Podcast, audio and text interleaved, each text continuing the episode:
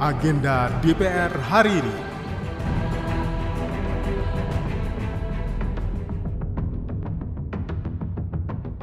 Halo, apa kabar? Saya Tiara Mustika, mengajak Anda mencermati agenda kunjungan kerja Wakil Rakyat Kamis 29 Desember 2022. Anggota Komisi 10, Iliza Saaduddin Jamal, fraksi Partai Persatuan Pembangunan dalam masa reses 2 tahun sidang 2022-2023 ini melakukan kunjungan kerja menyerap aspirasi publik di daerah pemilihan Aceh 1. Ia menyebut banyak menerima masukan dari masyarakat tentang persoalan pendidikan, pengembangan pariwisata di Aceh, dan persiapan Pekan Olahraga Nasional ke-21 yang akan dilaksanakan di Aceh dan Sumatera Utara tahun 2024 yang akan datang. Berikut penjelasan Iliza Saaduddin Jamal.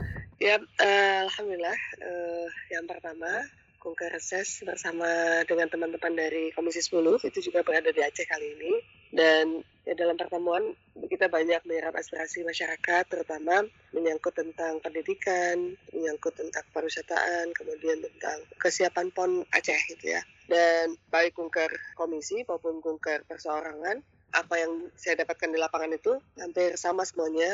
Kalau dari PON itu memang harapannya adalah pertama ada kendala di Aceh sendiri yang memang pergantian gubernur definitif ke PJ itu masih meninggalkan persoalan dari sisi kesiapan untuk venue dari stadion utama gitu ya. Tapi insya Allah sudah ada titik temu. Kemarin juga Pak Menpora juga udah berkunjung ke, ke Aceh dan insya Allah dua daerah Sumut dan Aceh akan siap dan segera akan melaunching untuk kegiatan PON 2024 yang akan dilaksanakan di Aceh tapi memang ketika kunker nggak semuanya siap gitu ya kalau yang kunker komisi menerima kehadiran komisi itu dengan segala hal yang harus mereka siapkan secara administrasi misalnya proposal atau hal-hal yang mereka harus sampaikan secara menyeluruh karena di sendiri juga sedang melaksanakan pora.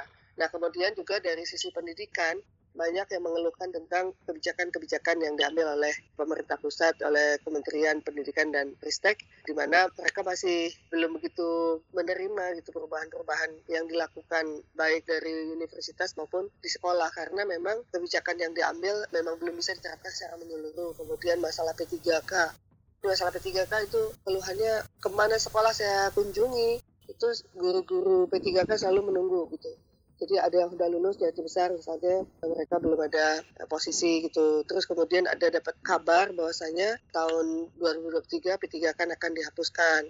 Jadi ini kan menjadi hal yang memang menjadi perhatian kami. Dan kemudian dari mitra kerja yang disampaikan misalnya dari uh, yang mitra kerja dengan Komisi 8 keberadaan KIP BIP dari Kemenak gitu yang memang mereka merasa kan daerah kadang nggak paham dikirain kalau program PIP dan KIP itu semuanya dari Komisi 10 nah ternyata kan itu dari Kemenak. Nah apa yang disalurkannya itu sangat-sangat kecil sekali tidak tidak seimbang dengan uh, jumlah siswa yang tidak mampu di daerah gitu. Uh, jadi memang nanti rencananya kita akan mengusulkan untuk bisa rapat kerja bersama dengan Kementerian uh, Agama gitu. Jadi agar program yang harusnya bisa berjalan sama itu walaupun beda kementerian tapi kan harus ada juga penyaluran bantuan untuk KIP dan PIP. Jadi memang keluhannya banyak sekali. Kemudian pramuka. Jadi kepramukaan itu akan melaksanakan munas depan di Aceh mereka juga membutuhkan dukungan. Menurut informasi yang saya dapat, mereka sudah punya anggaran 3 miliar, tapi nggak cukup dengan anggaran yang ada, juga membutuhkan dukungan dan perhatian. Dan itu juga disampaikan di saat raker komisi hadir ke Aceh. Dalam kunjungan ke Dapil, wakil rakyat dari fraksi P3 ini menerima masukan dari guru honorer tentang fasilitas sekolah yang rusak. Kembali Iliza Saaduddin Jamal guru P3 kan tetap mengajar, tetap jalan, walaupun mereka dalam kesusahan dan di Aceh tidak dapat lagi gaji ya ke depan katanya dari daerah. Nah apa betul apa tidak saya juga harus cross check lagi karena ini baru sekali saya dapat kemarin ketika saya datang ke sekolah di Montasi.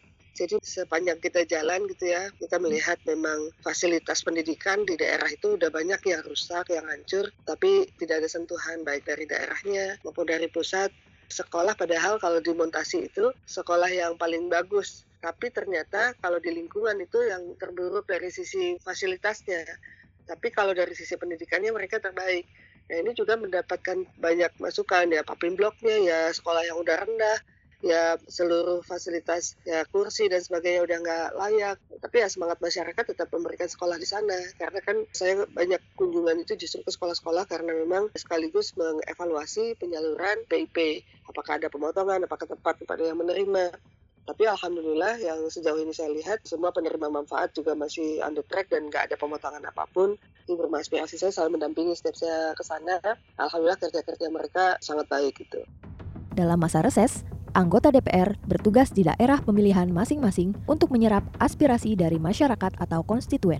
Masyarakat di Dapil dapat langsung menghubungi rumah aspirasi yang dikelola oleh anggota dewan. Demikian agenda kunjungan kerja DPR RI Simak dan ikuti terus kegiatan DPR RI dan dengarkan siaran langsungnya melalui website tvr.dpr.go.id radio.